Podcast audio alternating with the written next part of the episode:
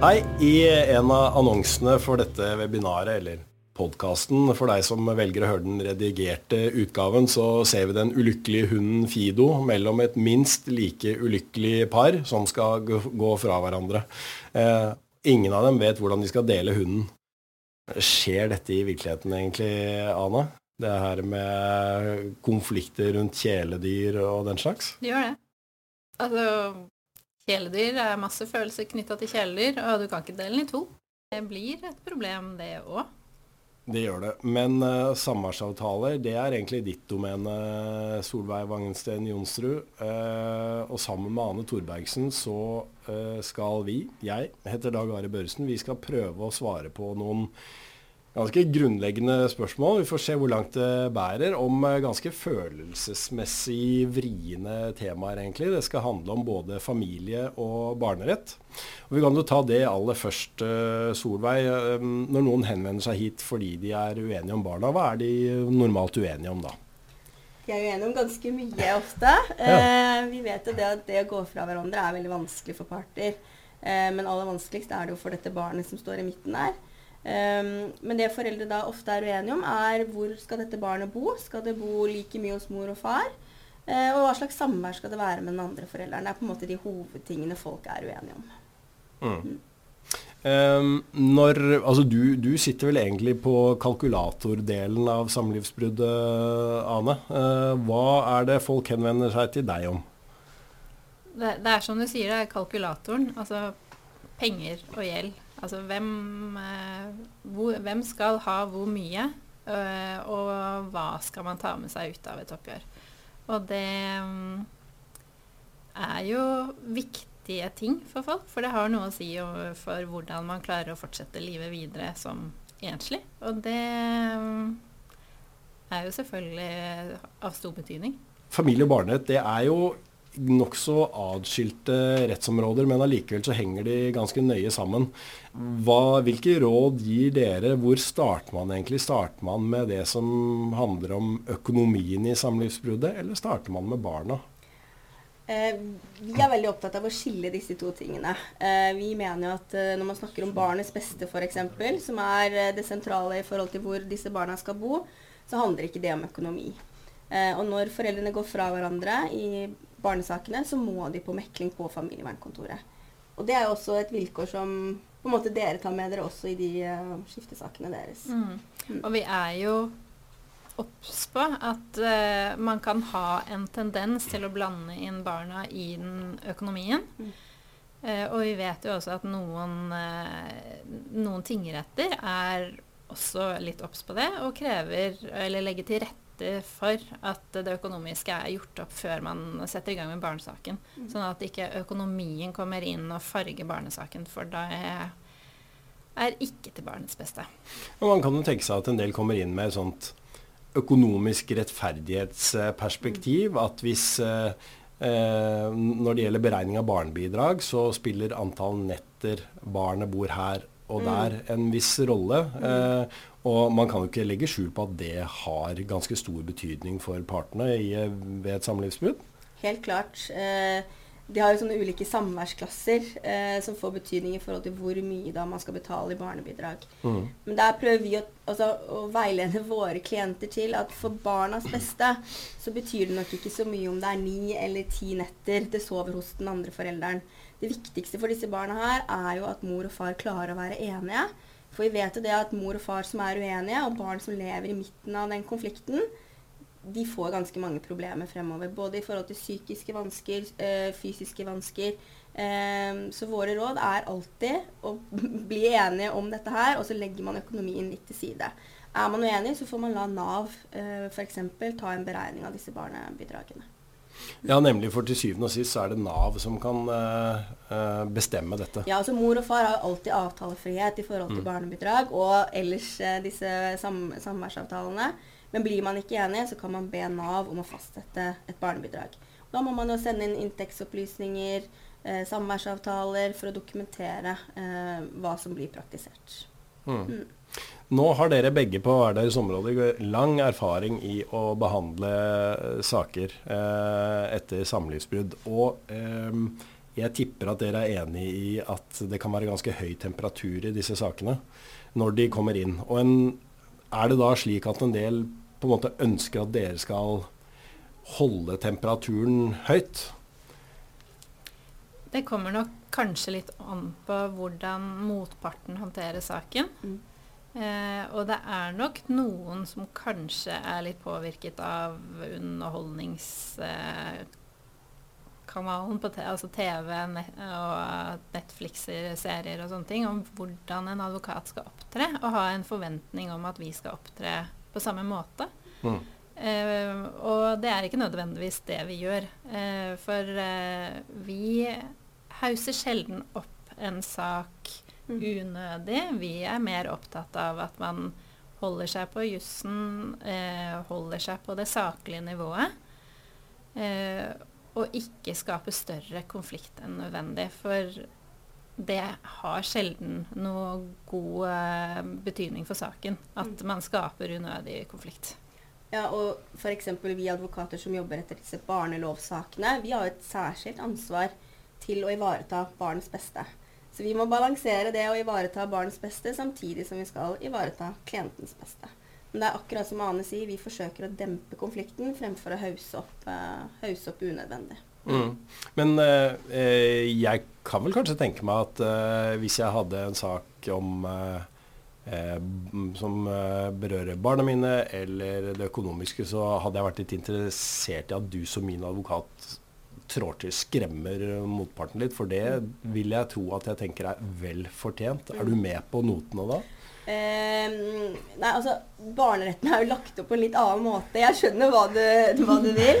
Eh, men der prøver man jo, uansett hvor man er i prosessen, så skal man prøve å legge til rette for mekling. Man skal prøve å legge til rette for at partene blir enige. Mm. Og grunnen til det er jo at man ser at enighet mellom foreldrene det skaper en mye mer dynamikk. Det skaper et mye bedre samarbeid forutsigbarhet for disse barna. Um, uh, sånn at systemet, uh, både rettslig sett og i familievernkontor og alt, er lagt opp til at partene skal prøve hvert fall, å legge bort stridsøksen og klare å tenke hva er det som er til det beste for dette barnet. Mm. Ja, for det, det, kan kanskje være litt uh, Altså Man kan tape av syne at målet med dette faktisk var å komme til enighet om noe. Mm.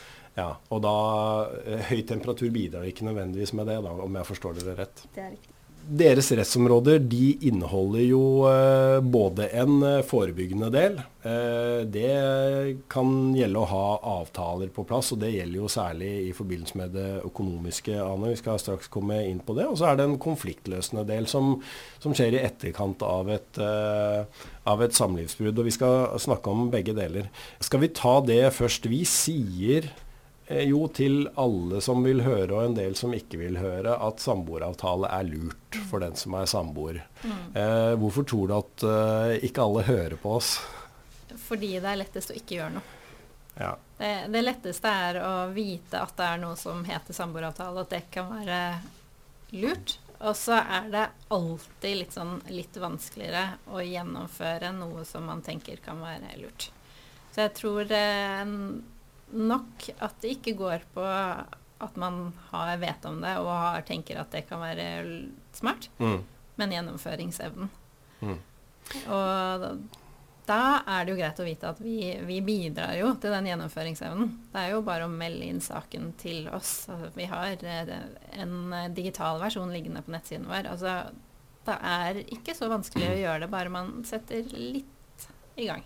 Nei, altså du, du, som ser på kan altså klare deg helt selv hvis du øh, ønsker det. Den øh, skal være selvforklarende, malen som, øh, for samboeravtalen som ligger på help.no skråstrek min side. Men det er min teori, Ane, at, at vi kanskje snakker om samboeravtalen som en litt sånn abstrakt størrelse uten egentlig å gå så nøye inn på hva vi mm. faktisk regulerer der. fordi eh, det, det, det, virker som det er liksom en sånn tjukk mm. bunke med dokumenter som det tar et år å komme gjennom. Men, mm. men, det aller, aller viktigste er vel egentlig å si noe om hvem eier eh, huset vårt. Og hvem har ansvar for å betale for uh, lån og felles utgifter og sånt noe. Hvis man har løst det, så har man vel egentlig gjort mye av jobben. Ja, altså det, det, er jo selvfølgelig sånn at de største verdiene er det viktigste å avklare. Mm. Så sånn sett så vil det jo være det kjempeviktig å få avklart et eierforhold til et hus. Hvem eier det? Eh, hvem eier hvor mye? Mm. Eh, så det er liksom sånne ting man raskt kan egentlig gjøre i en samboeravtale. Og det krever ikke masse dokumentasjon og, og stor innsats. Mm. Man eh, treng, de aller fleste trenger samboeravtale, for å si det sånn. Mm. Det, når man blir samboere, så vil noen ting skje. Man vil enten bli gift, eh, og da går man over i ekteskapsloven. Man kan eh, gå fra hverandre, eller man kan leve sammen til man dør. Mm. Det er de tre tingene som skjer i et samboerforhold. Alle de tingene krever på en måte at det ligger noe underliggende i bunnen. Et ekteskap nei, da er det veldig greit å vite hva man gikk inn i ekteskapet med. Mm. Eh, både brudd og dødsfall krever et skifteoppgjør. Og da er det greit å ha gjort den øvelsen på forkant og, og bare avklart eierforhold. Mm. Vi har prøvd oss med å markedsføre samboeravtale på litt ulike måter. Vi har påstått at det er romantisk å skrive samboeravtale, men det vi kan vel på sett og vis si at uh, vi har vist, et visst belegg for å si det. fordi at det å ha disse økonomiske tingene på plass det, Man vet at det ligger der. Det, det, er noe fint med det. Så kan man konsentrere seg om andre ting etterpå. Ja, altså De kjipeste diskusjonene man har i dagliglivet, dreier seg om penger. Ja. For de aller fleste, sikkert. Ja. Og å ha en avtale som sier eh, hvem som eier hva, og hvordan man skal betale gjelden, og hvordan man håndterer utgifter i dagliglivet, mm. da er på en måte den saken lagt død. Da vet man hva man har å forholde seg til, og så gir man hverandre litt slack ellers. Mm. Du, vi, jeg tror vi tar første spørsmål. Her er det en som skriver Hei, jeg er samboer og har ikke samboerkontrakt. Eh, du er ikke alene. Eh, jeg ønsker svært gjerne å sikre mine verdier da jeg har barn fra før. Han har ikke barn, og vi har ikke barn sammen. Hvordan skal jeg gå fram for å få dette eh, når han ikke vil? Ja. Å ja, det var en tvist ved dette spørsmålet. Eh, når han ikke vil ha samboerkontrakt regner jeg med hun spør ja, om. Hvis det er en, altså det krever jo to underskrifter på ja. avtalen. Så hvis det er en som ikke vil signere på en samboeravtale, så er det jo straks litt vanskeligere å få i stand en avtale. Um, det kan hende at det kan hjelpe å snakke med noen om at det kanskje ikke er så farlig å få den signaturen på plass. For det man gjør, er å signere på det som er det reelle eierforholdene og verdiforholdene. Mm. Og kanskje det virker litt avskrekkende når man får litt rådgivning rundt det. Uh, og hvis det er helt klin umulig, så tenker jeg at det, da må man også være litt uh, beredt på, på, sin egen side. Da ja. må man sørge for at man har dokumentasjon på plass for det som en selv eier. Ja, nettopp. Um, Eh, ja, jeg så ikke helt den komme at eh, det, det, kan være at en av partene faktisk ikke vil. Men man kan jo tenke seg at jeg blir litt mistenksom hvis du kommer med hm, det, Her har jeg laget en skisse til en uh, samboerkontrakt. Og den Nå skal jeg få hele huset? ja. ja. Det kan jo Det er derfor jeg nevnte dette med rådgivning. Ja. For hvis man da snakker med en advokat Mm. Som får avklart at uh, jeg skal ikke ta noe fra deg. Mm. Vi skal bare sette oss ned og avklare hvem som eier hva, og hvordan det skal håndteres. Mm. Uh, så blir det kanskje ikke så skummelt allikevel. Mm. Og hvis uh, denne personen her, da, som ikke vil signere, er For han hadde ikke barn? Han hadde ikke barn, nei. Han er kanskje litt engstelig for sin egen situasjon. Uh, for hennes barn arver henne, eh, og han har ikke barn etter seg. Mm. Så kan det hende at det kanskje ligger en verdi å snakke om hvordan disse verdiene skal fordeles eh, ved et eh, senere skifteoppgjør, f.eks. dødsfall. Mm.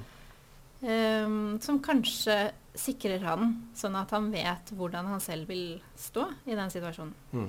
Men uh, hvis jeg hvis jeg kontakter deg eh, sammen med min samboer og sier at eh, vi ønsker oss en samboeravtale da, altså de rådene du gir om hvordan vi skal eie huset vårt f.eks., de er jo basert på Eh, de, er de basert da på ren matematikk, egentlig? Da jeg har eh, så mye egenkapital og tjener kanskje litt mer eller litt mindre, og de to tingene til sammen gjør da at jeg kanskje vil eie 60% mens den andre vil eie 40 Er det, mm. Du ser matematisk på hvem som skyter inn mest, rett og slett? Vi starter der. Ja. Utgangspunktet er matematisk, og så er det jo avtalefrihet. Så hvis, eh, og det er jo ikke uvanlig at selv om én har gått inn med midler, så sier de nei, nei men dette er mm. vi sammen om, og vi skal eie mm. likt. Ja, og da så hører du på det. Ja, altså, da, da, hører vi på det. Ja, ja, det, det, det, skal de få lov til å velge selv. Eh, og så kan vi råde rundt det, for det har jo selvfølgelig konsekvenser som de må være klar over. Men eh, det er jo deres avtale. Ja. Eh, dere, vi har vært gjennom en, eh, en lang pandemi. Eh, har, har pandemien påvirka antall saker inn på deres områder? Har det gått opp eller ned? Vi så jo under selve pandemien at det ble ganske mange konflikter knyttet til det med barn. Mm. Og mye av det var jo fordi det var usikkerhet rundt hvordan reglene da skulle praktiseres. Mm. Uh, men nå har dette her lagt seg. Vi er tilbake til mer normale um, omstendigheter. Så i forhold til barnerett, så det kanskje man ser, er jo at det har vært flere som har gått fra hverandre. Uh, mange har gått oppå hverandre i koronatiden, uh, og det har jo medført kanskje Jeg har ikke noe tall på det, men kanskje til flere brudd. Mm. Og det har gjort at vi har fått flere henvendelser også. Mm. Mm. det er jo litt det samme inntrykket vi sitter mm. litt med, men fikk jo en sånn noen forskere som gikk ut og uttalte seg litt om eh, hva som skjer med folk i krisesituasjoner og sånn, og at man da holder litt sammen fordi eh, man skal eh, jobbe sammen i, i en krise. Eh, og så har man kanskje holdt sammen i en situasjon som man ellers ikke mm. hadde tenkt å være sammen veldig lenge. Eh, mm. Og så blir også kanskje pandemien litt voldsom eh, på toppen av det hele. Så vi har flere saker nå enn mm. vi hadde på samme tidspunkt for noen få år siden. Mm. mm. Eh, dere som ser på, stiller gode spørsmål. Jeg skal prøve å sammenfatte ett av dem nå. Eh, det er en som eh, betaler barnebidrag, eh, og som sier at han har så mye utgifter at eh, Og prisstigningen som skjer nå, det mm. gjør det ikke lettere. Nei. Hvis min økonomi blir eh, altså presset til det ekstreme. Mm. er det noe som Nav kan ta hensyn til, eller kan jeg få redusert barnebidraget av den grunn? I utgangspunktet ikke. Eh, når Nav setter seg ned og beregner barnebidraget, så bruker de standardsatser. Eh, sånn at det betyr at eh, dine faktiske utgifter i forhold til bolig, bil og andre ting, de er bakt inn i en egen sats. Um, og barnebidrag er jo på en måte noe av det som skal dekkes først. Av alle eventuelle andre utgifter du har. Mm. Uh, så det at prisene har blitt økt, det, det, har vi full forståelse for. Men Nav per i dag legger ikke til grunn en økt prisvekst uh, i samfunnet. Det gjør det ikke. Nei. Det man eventuelt kan gjøre, er å Hvis man har bidragsgjeld, kan man få brukt lengre tid på å nedbetale. Men selve beløpet, altså selve bidraget, det vil ikke bli redusert pga. økte utgifter. Mm. Men det er mulig Nav gjør en endring der, men foreløpig har de ikke gjort det. Mm. Eh, det er tydelig at dere som ser på, følger med, for vi får eh, ganske mange spørsmål som er knytta til det vi snakker om. Eh, jeg skal ta et godt spørsmål knytta til lån. Er det mulig å få to separat, separate lån på et hus? Vi kan eie halvparten hver, men at vi betjener to lån separat? Å, jeg blir så glad når jeg hører han sier det. At det er jo på en måte drømmescenario. Altså da løser man jo litt situasjonen ved lån. For det er klart når man blander eierforhold og blander lån, så har man liksom tråkka oppi det med begge føttene. Ja. Og holder man lån litt på siden, så har man jo litt mindre føtter i, i samme mm. Dette er tegn på kjærlighet, sier ja, advokaten. Det er i hvert fall en god rådgivning for banken eller et eller annet. For bankene er ikke nødvendigvis sånn at de, de ønsker en sånn ordning, fordi de passer Nei. jo fort på seg selv. Ja, ikke sant? for det var det jeg lurte på. Selv om du blir glad, så er det ikke sikkert banken Nei, blir så glad. For bankene vil jo heller ha to navn på ett gjeldsbrev mm. enn to forskjellige gjeldsbrev med ett navn på hver. Mm. Eh, for det har noe med deres sikkerhet å gjøre. Så det er ikke alltid man skal eh, skal, man skal kanskje være litt kritisk da, eh, av og til når, man, når bankene rådgir. for de rådgir ut ifra sin eh, at de sikrer sin egen posisjon. Mm. De tenker ikke alltid bare på, det, på kundens beste. Nei. Um, så tar vi et spørsmål som uh, gjelder uh, barnebidrag, siden vi var eh, inne på det akkurat. Må jeg betale barnebidrag siden barnet bor hos meg 50% er det en som lurer på. Det, der igjen også kommer det litt an på hva de har avtalt, men i utgangspunktet, selv om de har delt fast bosted, nå legger jeg til grunn at han har delt fast bosted, eh, så kan man bli pliktig til å betale barnebidrag hvis man tjener f.eks. mer enn den andre. Og det er jo fordi barnet skal ha den følelsen av at det er likedan å bo både hos mor og far. Mm. Eh, så ja, man kan bli forpliktet til å betale barnebidrag selv om barnet bor 50% hos begge foreldrene. Det avhenger av inntekten din. Avhenger av inntekten. Hvis den ene forelderen tjener vesentlig mer enn den andre, så vil det på en måte være et sånt utjevningsbeløp, da. Det vil Mm. ikke være så store forskjeller, fordi man får jo 50% fradrag i samværstid og, og sånne ting. Men noe vil det nok kanskje bli hvis man tjener mer. Ja. Um, vi snakket om uh, det å være samboer uh, kontra det å være gift. Det fins ikke noe samboerlov, men det fins en ekteskapslov. Istedenfor samboeravtale, hvis man fortsatt syns at dette høres brysomt ut, eh, kan man like gjerne gifte seg, og så har man oppnådd det samme, egentlig?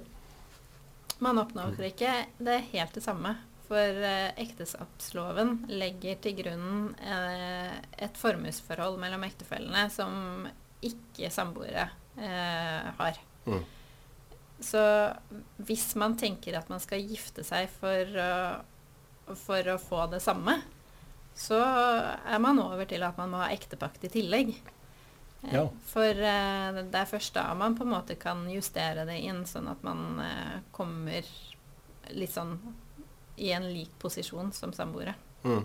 Ja, og så var vi inne på dette her med å, det romantiske i å ha papirene i orden. Da, og samboeravtalen den har også en funksjon, eh, om jeg forsto deg rett, når man gifter seg, ved at den dokumenterer hva, hvordan formuesforholdene var, hvem som eide hva, i det dere giftet dere. Ja. Det er jo regelverk eh, som sier at man har anledning til å ta med seg ut av ekteskapet de verdiene som er i behold, og som man hadde med seg inn i ekteskapet. Mm. Og det er ikke alle som sitter på dokumentasjon over hvilke penger man hadde på den kontoen, eller eierskapet, og gjeld på en, og verdi på en hytte, sånne ting. Mm. Hvis det står i en samboeravtale, så er det klart da, da slipper man unna litt dokumentasjon. Dere, vi får av og til spørsmål uh, om hvem det lønner seg mest for å giftes Hvem har mest å tjene på å gifte seg, eh, for å reformulere. Altså, Noen liker å forsørge, andre liker å bli forsørget. Eh, er det den som liker å ligge på sofaen, som har mest å tjene på å gifte seg, eller er det motsatt? Det kan nok være sånn at hvis du er veldig glad i verdiene dine, Mm. eh, og den andre ikke er så glad i å skape verdier, eh, og kanskje derimot mer glad i å, å påta seg gjeld, eller bruke penger, så kan det hende at det er mer fornuftig å forbli samboere. Ja, for da, da har man separate økonomier, rett og slett. Altså, å være samboer er jo litt sånn uromantisk i utgangspunktet. Altså det, du er jo da egentlig som eh, du eier, du eier noe som om du skulle eid noe med broren din, ikke sant? Eh, bortsett fra at man har blanda litt følelser oppi det samme. Og Mm. da er det eh, rent sånn juridisk bunnlinje er at man eier det man selv eier, og så må man dele det eh, når man går fra hverandre i forhold til eierforholdene. Og det du har stående på konto, er jo da ditt. Mm. Det du sparer, er ditt. Den gjelden du tar på deg, den er din. Ja. Nå har vi snakket litt om uh, samboeravtale. Du nevnte ektepakt. Da må vi si litt om uh, ektepakten også. For det er det, er det dokumentet du, du eller uh, ektefellene eh, må fylle ut seg imellom hvis de f.eks. skal ha særeie. Er det sånn å forstå? Hvis man ikke skriver ektepakt, så bestemmer loven at det man erverver og får av verdier i løpet av ekteskapet, uavhengig om det er lottogevinst eller, eh, eller eh, lån, eller eh, om det er innlønnsinntekt eller utbytte, eller hva det er for noe, så skal det inn i delingsoppgjøret. Det vil si at ektefellene skal ha en halvpart hver av de verdiene som man tjener i løpet av ekteskapet. Mm. Eh, og da er det jo sånn at ikke alle ønsker den ordningen. Eh, det kan hende at man eh, vil si at den kontoen her, den, eh, den, er min. Den skal ikke være med i noe deling. Her er det noen spesielle penger som jeg har jobbet for eller gjort noe, eller et eller annet. Så kan man si at den, den skal være min. Eh, ved, og da holdes utenfor et delingsoppgjør ved, ved brudd så er det jo også sånn at Og det er det man kaller særeie. Da, at uh, man avtaler seg bort fra delingsreglene i ekteskapsloven. Ja. Så hvis man uh, føler at man har hellet med seg og ikke vil dele lottogevinsten med ektefellen, så må man rett og slett inngå en ektepakt med særeie først. Ja. ja. Uh, men så har man jo da også det problemet da, med at en ektepakt krever også to underskrifter. Så, så ektefellen må også være enig i at uh, den lottogevinsten den skal holdes utenfor delingen. Mm. Og her er det altså det, det ektepaktskjemaet, da. Der er det en del ting man skal hake av for. Så eh, altså man kan vel i utgangspunktet klare seg selv der også, men, men eh, eh har man LO favør advokatforsikring, da, eh, så er dette absolutt sånn som du kan få advokathjelp til å gjøre her. Og det kan vel være en fordel? Jeg vil absolutt anbefale folk om å ikke fylle ut en sånn eh, ektepakt alene. Mm. Det er vel sjelden noe vi bruker mm. så mye tankekraft på eh, som to setninger. Eh, altså å tenke veldig mye på hvordan vi skal formulere to setninger i en ektepakt. En ektepakt sier noe om formuesforholdet mellom ektefeller, og hvordan det skal bli ved en, eh, et skifteoppgjør og et uh, dødsfall. Og da må man vite ganske mye om delingsreglene ved, både ved Brund og arveoppgjør. Um, og vite hva som man har lov til å avtale, og hva vi ikke har lov til å avtale. Mm. Og, og, og, skrive det på en god måte. Nemlig. Ja, for det er, det er en del valgmuligheter. Det er, det er ikke helt uh, felleseie på hverdager og særeie i helgene, men uh, det, er, uh, det er ikke så langt unna heller. Nei. Nei, ok. Eh, men da, da, er det rådet herved eh, formidlet. Er det egentlig noen som kontakter oss eh, sånn i føre var-situasjon? F.eks. Eh, når det gjelder barna, Solveig. Du ja. Sett at eh, jeg skulle bli skilt. jeg bor sånn og sånn. min kommende ekspartner bor sånn og slik. er sjansen større for at jeg får barna boende mm. fast hos meg, f.eks.? Det er veldig mange som tar kontakt med oss i forkant av et brudd, eller akkurat når de går fra hverandre. Mm. Og det er jo eh, også en anbefaling som jeg vil komme med, er at ta gjerne kontakt med oss når man er i en sånn situasjon. Da kan vi være med å gi litt mer rådgivning knyttet til hva er det som eh, vil være til det beste for dette barnet, basert på de opplysningene som vi har. Um, og det er jo sånn at folk, når de går fra hverandre, så må de på mekling på familievernkontoret.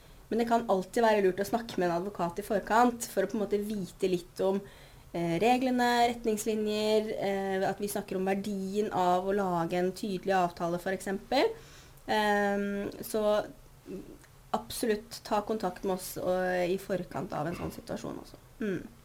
Eh, vi får jo noen henvendelser fra noen par som går fra hverandre mens barna er veldig små. Mm. Noen til og med før barna blir født. Mm. Um, og så hører vi fra tid til annen at uh, det er vanskelig å Eller det er en del fedre som klager over at de har få rettigheter i forhold til eh, barna mens de er veldig små. Mm. Er, det, er, det, riktig? Er det, er det, sånn at biologien trumfer uh, uh, når barna er i de første leveårene? At da vil mor som regel få barnet boende hos seg? I gamle dager så var det noe som het for morspresumpsjonen. Den mm. gjelder jo ikke i dag. Um, men altså, er det et helt nyfødt barn, uh, mor ammer f.eks. fremdeles, um, så vil det jo alltid være sånn biologisk mer tilknyttet mor. Men allikevel så ser vi at uh, det er viktig at far også her får mye kontakt med dette barnet. Eh, og er med, eh, bidrar på eh, Kanskje gi barnet flaske, være med å gå turer, Bidrar på veldig mange områder, så kan far være en like god omsorgsperson som det mor kan være. Så det er ikke noe sånn gitt at det er mor som der trumfer, selv om barna er veldig lite. Vi ser jo det sant, med de nye reglene i forhold til eh, pappapermisjon. Altså Samfunnet for øvrig har endret seg veldig. Man vil jo at fedrene skal komme like mye på banen som, som mødrene. Og det ser jo vi også i rettsutviklingen. at far og mor eh, er like mye verdt. Eh, det er ikke det biologiske som er det viktigste. Det er tilknytning for øvrig. Eh, hvem av foreldrene som bidrar til samlet eh, foreldrekontakt f.eks. Så det er andre, andre mm, viktige ting man også skal ta med seg. Mm. Vi har jo f.eks. saker der eh, en av partene da, kanskje jobber etter en ganske komplisert turnus, f.eks.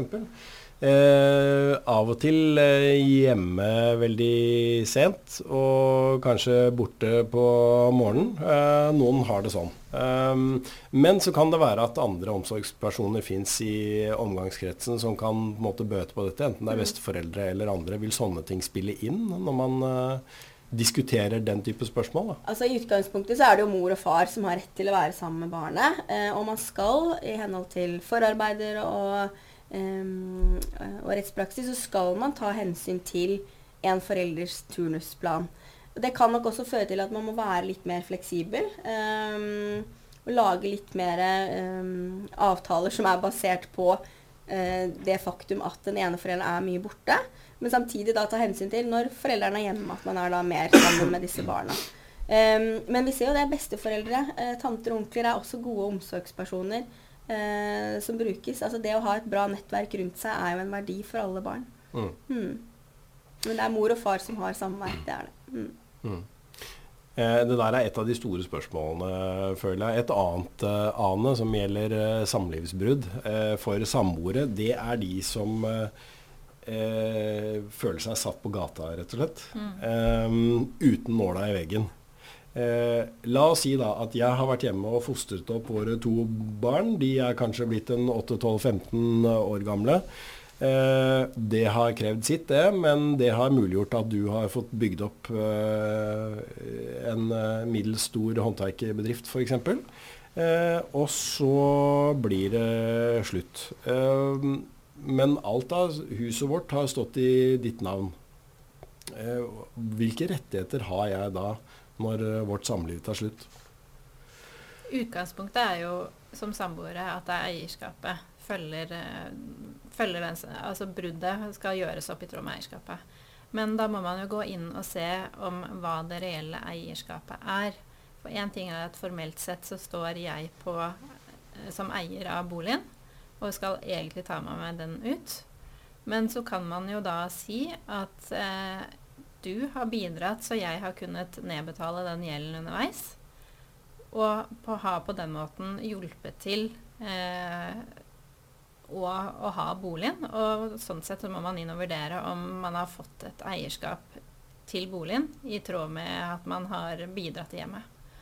Og det um, ser man jo fra tid til annen at det er aktuelt. Så var det kanskje spesielt aktuelt på type 50-, 60-, 70-tallet. Og jo mer damene har kommet seg ut i mm. arbeidslivet, jo mer man har fått eh, barnehagedekning, eh, SFO-ordninger, så er det ikke så mange som er så hjemme med barna som det var før. Mm. Og, og, da kan man kanskje tenke at uh, det ikke skal ha noe å si, men det vil det. Det er spesielt dette her med omsorg for barna som, som spiller en rolle inn i den vurderingen av om man har bidratt hjemme mm. på et vis som gjør at man skal ha eierskap. Så da bør man nok Altså i den situasjonen kan det jo hende at man hadde fått et eierskap eller et vederlagskrav. Hvis man er i den situasjonen så tenker jeg at det er veldig god grunn til å ha en samboeravtale som avklarer litt hvordan rollefordelingen er i hjemmet, og hvordan man skal kompenseres for det. Ja, En annen ting vi ikke snakker så mye om, det er uh, Det får bare beklage at det blir litt sånn uh, utdaterte kjønnsrollemønstre, som du kanskje var, var enig om. Men, men, det er nå allikevel sånn at uh, amming og sånn gjør at at kjønnsrollemønstrene henger litt tilbake da, likevel i en del uh, sammenhenger. Eh, men eh, vi snakker ikke så mye om disse pensjonsspareavtalene som kan være fornuftige å ha. Og, det er kanskje her de kommer inn i bildet, da, fordi at hvis jeg er hjemme med barna, så har jeg ikke noe annen inntekt. Så en spareavtale som kanskje den som er ute og tjener penger, da, setter inn for meg, det kan kanskje være et fornuftig råd. Og det er jo typisk sånn som man kan avtale i, i en samboeravtale. At fordi jeg, mitt, altså du som er hjemmeværende, og skal bli kompensert for, uh, for, å miste på en måte pensjonsgrunnlag, mm. så kan det kanskje være en tanke at den som jobber, sørger for at eh, man får på en måte den pensjonsforsikringen man trenger. Mm. Ja, og dette er sagt mange ganger, men det, jeg tror ikke det der kan gjentas for ofte. Så da har vi haket av et godt råd til. Dere er jo advokater. de skilsmissesakene vi gjerne hører om, er de som omtales i media, og de handler jo i en del tilfeller om ganske mye penger. Er det litt sånn, hva skal vi kalle det, overkill å søke advokathjelp for bare en skilsmisse i et uh, hjem med normale inntekter? Altså det som et eksempel da, så kan man si at eh, noen andre store advokatfirmaer i Oslo som jobber med disse her som klienter, når de sitter og foretar beregninger, så runder de av til nærmeste 100 000. Det, det, kan ikke vi gjøre. Eh, det, er, eh, det, det, forenkler på en måte oppgjøret litt. Eh, men eh, det skal også sies at eh, våre klienter har ikke det rommet for eh, å gi fra seg både på en måte gi fra seg 100 000 her og der. Mm. så forhandlingsrommet blir litt strammere. De pengene de skal ta med seg ut, er litt viktigere. De kan ikke på en måte si sånn Ja, ja, men 400 000 frem eller tilbake spiller ingen rolle. Uh, han får bare ta de, og så kan, kan, det være. Eller hun får et hus av meg, hun, og så overtar jeg det huset. Mm. Det, er, det, er, snakk om på en måte livsgrunnlaget videre, og det er nesten sånn at jeg vil si at det er kanskje enda litt viktigere å, å snakke med en advokat i våre saker. Uh, og et annet poeng er at de veldig eh, formus, formuende eh, ek, ektefellene som går fra hverandre, de har som regel en avtalebunn som sier noe om hvordan dette skal deles ved et brudd. Det har ikke våre klienter på like, like mye. Altså de har en ektepakt? De har en ektepakt, som regel. Mm. Uh, inntekt og konfliktnivå, det hører uh, Det har kanskje ikke så mye med hverandre å gjøre i barnesaker heller, Solveig? Nei, som sagt så prøver vi da å skille disse tingene. Mm. Uh, men inntekt det kommer på spissen i de barnebidragssakene. Um, uh, og så er det, som Ane sa, det er jo på en måte hvordan man skal bygge livet videre. Mm. Uh, og da vil jo det også spille litt inn i disse barnesakene. Har man mulighet til å bli boende i nærheten av hverandre f.eks., eller er det en av foreldrene som må flytte ganske langt unna mm. fordi man ikke har råd til å kjøpe seg noe i det området man kanskje er vant til å bo. Det, det spiller jo ganske stor rolle i barnesakene også. Og vi mm. tar jo med det mm. altså Selv om vi på en måte deler eh, sakene, så er det jo selvfølgelig av betydning når vi sitter og prøver å løse et ektefelleskifte eller et samboerbrudd, at hvis man ser at den ene parten ikke har råd til å fortsette videre, mm. eh, å bo der, eller ikke har et ordentlig sted å bo, så er det klart Man må jo spørre klientene sine om at men dette her er jo mm. mor eller far til barna dine. Mm. Ønsker du at barna skal ha samvær eh, i en eh, liten leilighet mens du bor i et kjempehus? Um, at skal mm. du kanskje tenke at dette her kommer barna dine til gode hvis du gir fra deg lite grann?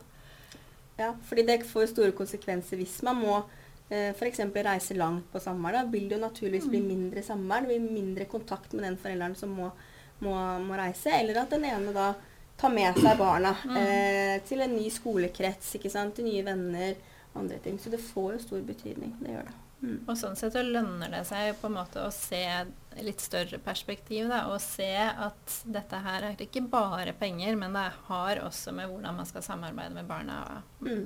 i, i mange år fremover. Og hvordan barna kommer best ut av det. Ja, fordi dette foreldreskapet er jo livslangt. Eh, ja, vi kan Mm. Være uenig her og nå om kroner og øre, men så må man ha litt lengre perspektiv på det. Man skal være foreldre i lang, lang tid fremover også.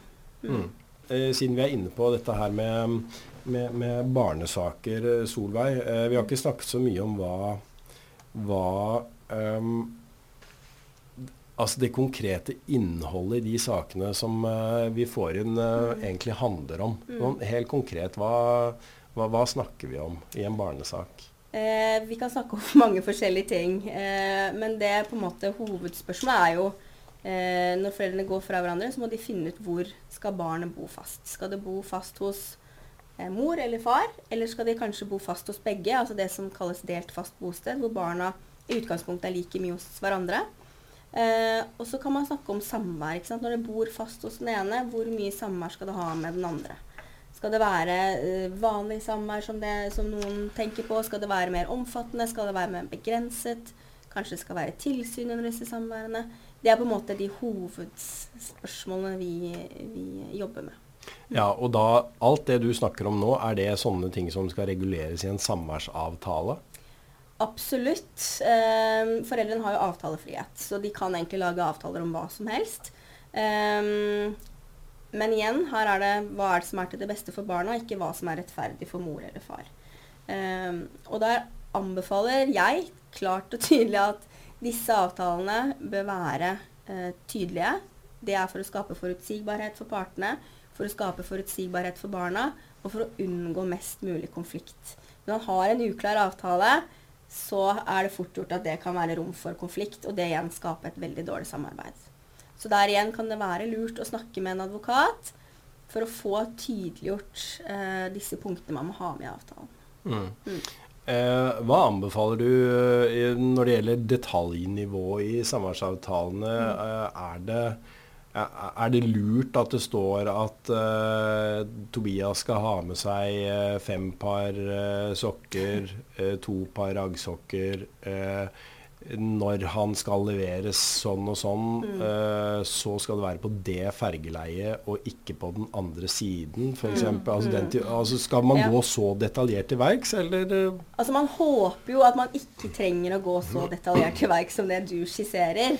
Eh, men når mor og far er så uenige, som det er i mange tilfeller, så hender det at vi må på det detaljnivået som du, du skisserte her og nå. Men man håper jo at man ikke trenger å være der. Man håper jo at mor og far skal kunne ta en telefon til hverandre, ringe, avtale, skrive en SMS eh, og sånne ting. Men det jeg i all hovedsak tenker på, er eh, når skal barnet til den andre forelderen? Eh, hvor lenge skal man være, og hvor skal man på en måte møtes? Det er på en måte de hoved, de viktige tingene man bør regulere.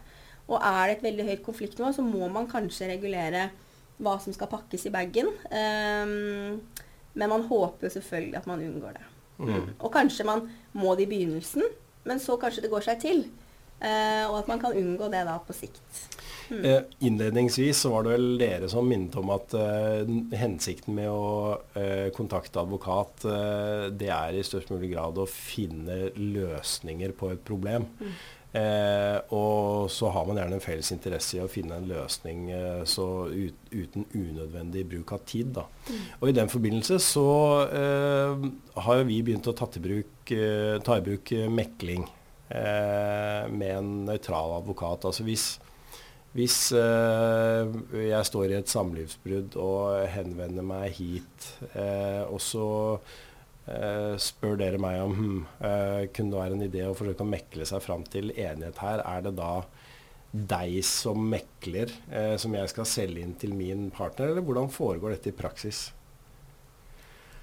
Altså, selve meklingen er jo en helt uavhengig sertifisert mekler, så de har jo hatt en videreutdanning eh, som meklere, de, disse advokatene som håndterer det. Og, så det er ikke deg som min advokat som skal mekle mellom meg og Nei, min så dette er jo Nei. en tredjeperson som ikke kjenner til saken fra før av, og som kommer inn fra utsiden for å prøve å dra i land en løsning.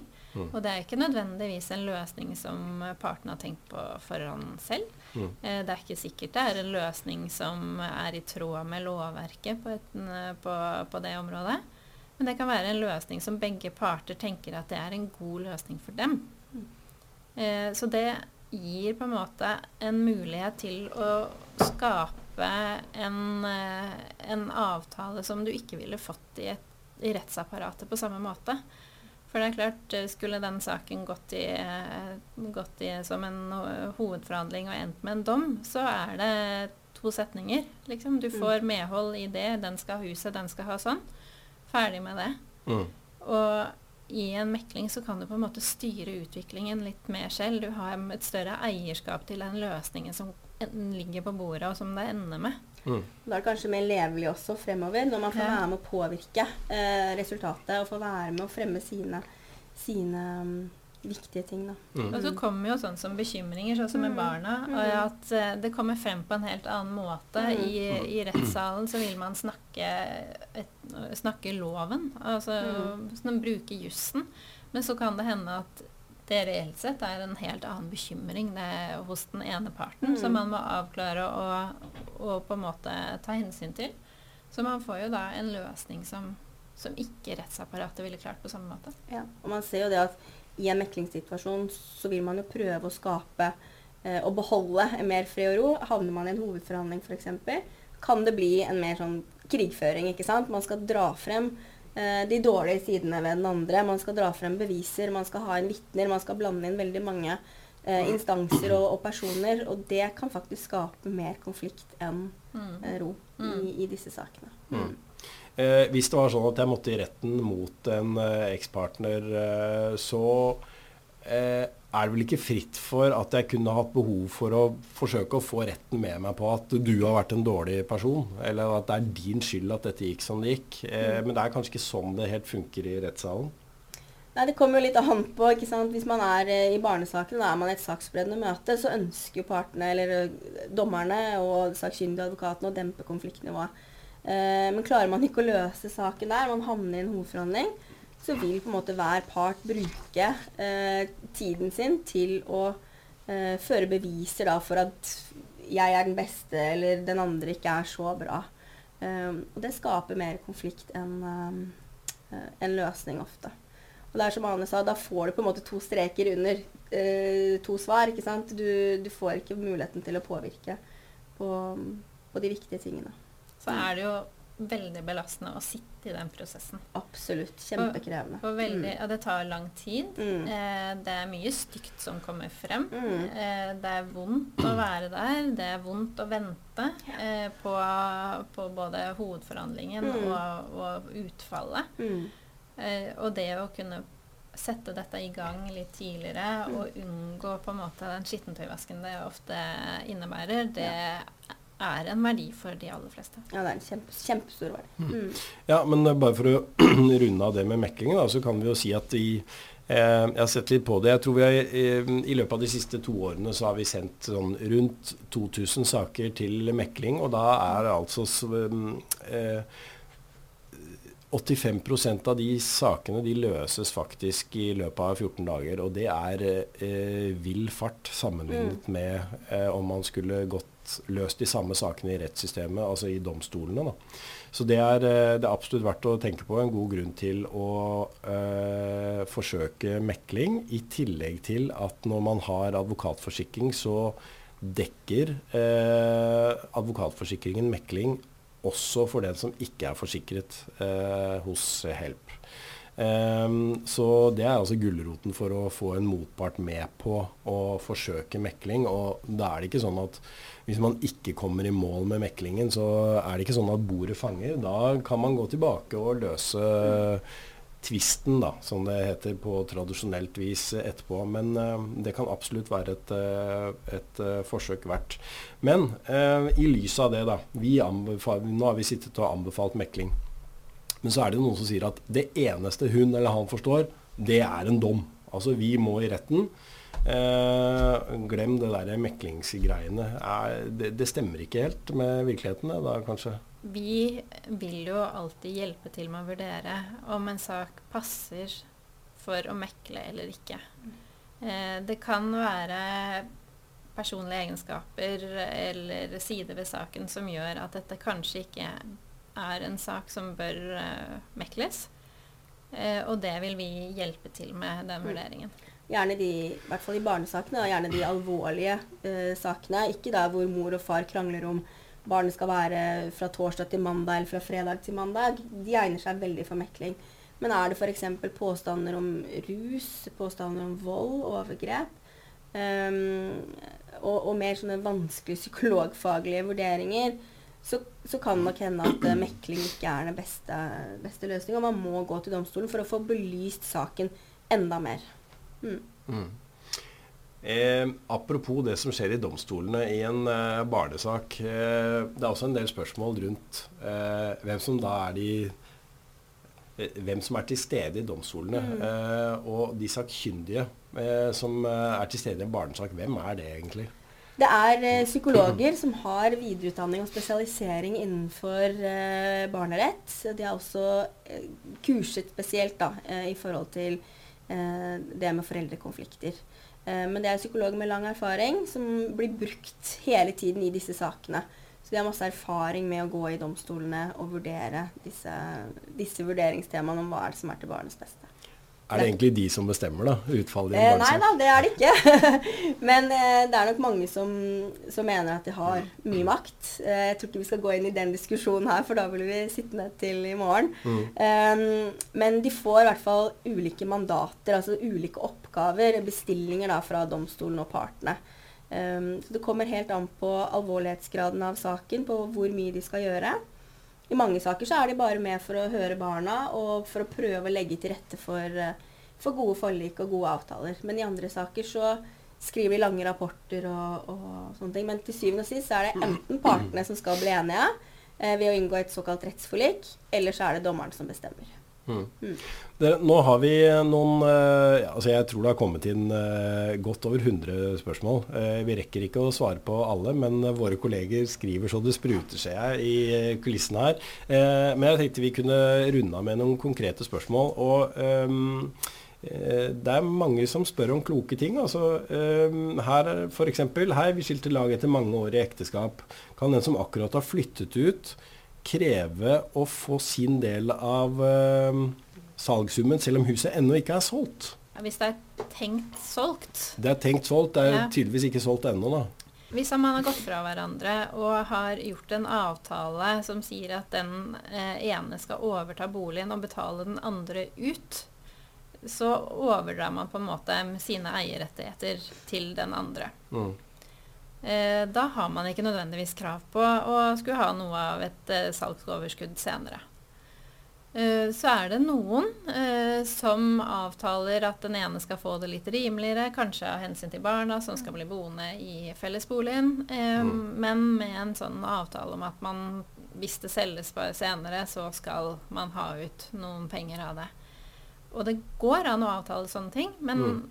der igjen, der, den kan være ganske vanskelig. Altså Der skal du ha inn hva mistet, blir tatt opp med reell. Og den, eh, det blir ikke noe overskudd ved det salget. Hva hvis det pusses opp, eh, og den som har blitt boende der, har brukt pengene på å pusse opp. Mm. Hvordan skal det gjøres? Ja, Hvis noe har blitt eh, ødelagt, og det er forsikringen som vedkommende har betalt, som har sørget for en oppgradering.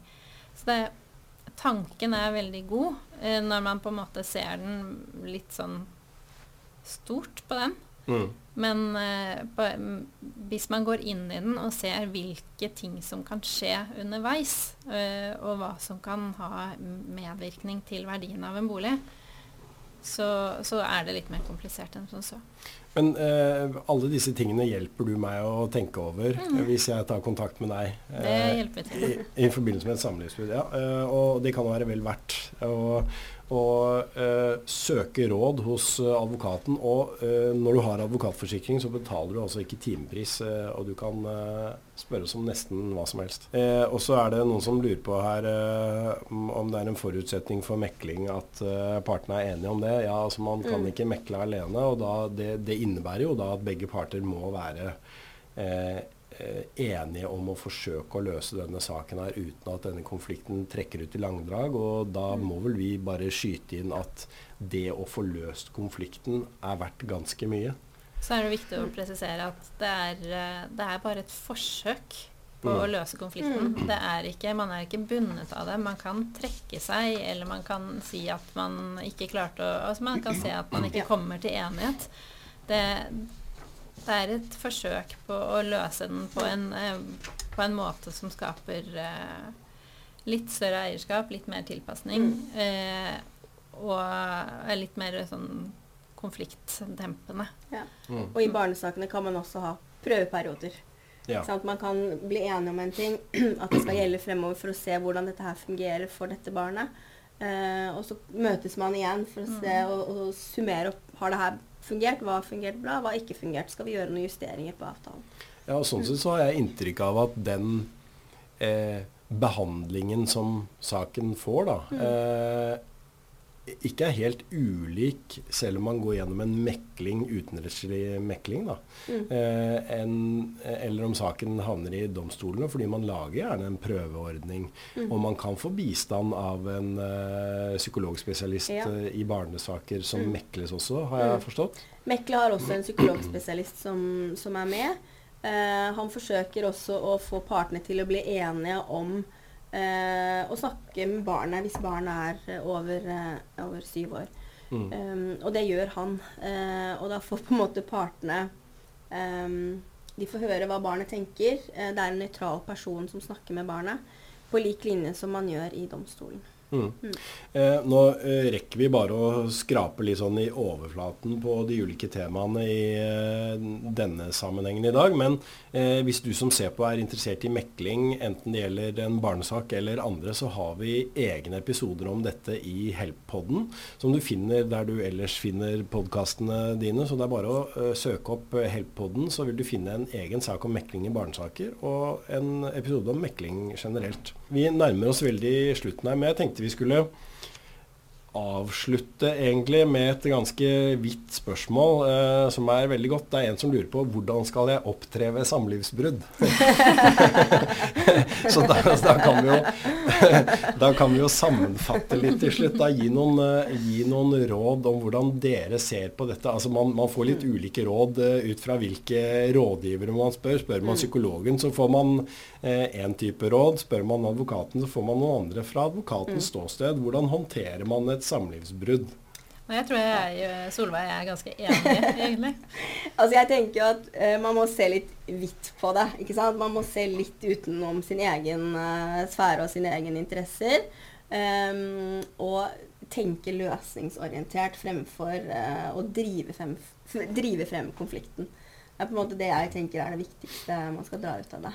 Så er det kanskje viktig å poengtere at skyld Mm. for bruddet har ingen betydning verken for barnesaken eller for skiftesaken. Absolutt. Eh, så å sitte og dvele i bitterhet, Mm. det, det tjener en ikke. Nei. Eh, Man, man må komme seg videre, se fremover. ehm, og ikke tenke på grunnen til bruddet. Det er helt klart. og det kan være vondt og vanskelig, Mm. og det er vondt og vanskelig, og grunnen til bruddet kan være enda verre. Mm. Men uh, i det lange løp så, så tjener man på å se stort på det og oppføre seg ordentlig. Absolutt. Så jeg vil ikke få dommeren med meg på at uh, du fortjener litt ekstra uh, Hva skal vi si sverting Mm. i retten. Eh, Nei. Da vil nok dommeren se ganske strengt på deg eh, og tenke kanskje det motsatte, hvis det er fokuset ditt. Hvis på en måte ditt fokus er å sverte den andre, ikke klare å se de gode egenskapene som faktisk Man har jo vært sammen, man har Mm. fungert ikke sant, i kanskje mange år også. Så, så det er absolutt ingen god taktikk. Nei, og så kan det være verdt å minne om, da, når det er barn involvert, eh, at eh, det foreldreskapet, det avsluttes ikke ved denne skilsmissen. Nei, den er gjerne livslang. Ja. Eh, jeg tror vi setter strek der, og så sier jeg tusen takk til deg som har eh, fulgt med eh, på webinaret eller eh, denne episoden av Helpodden på den ene eller andre måten. Tusen takk for oppmerksomheten, og så skal vi komme tilbake med andre juridiske temaer ved en senere anledning. Eh, og så minner jeg om at vi har mange eh, episoder av Help-poden tilgjengelig om eh, ulike temaer innen arv og familierett og ikke minst fast eiendom. du finner dem der du ellers hører podkast. Takk for nå.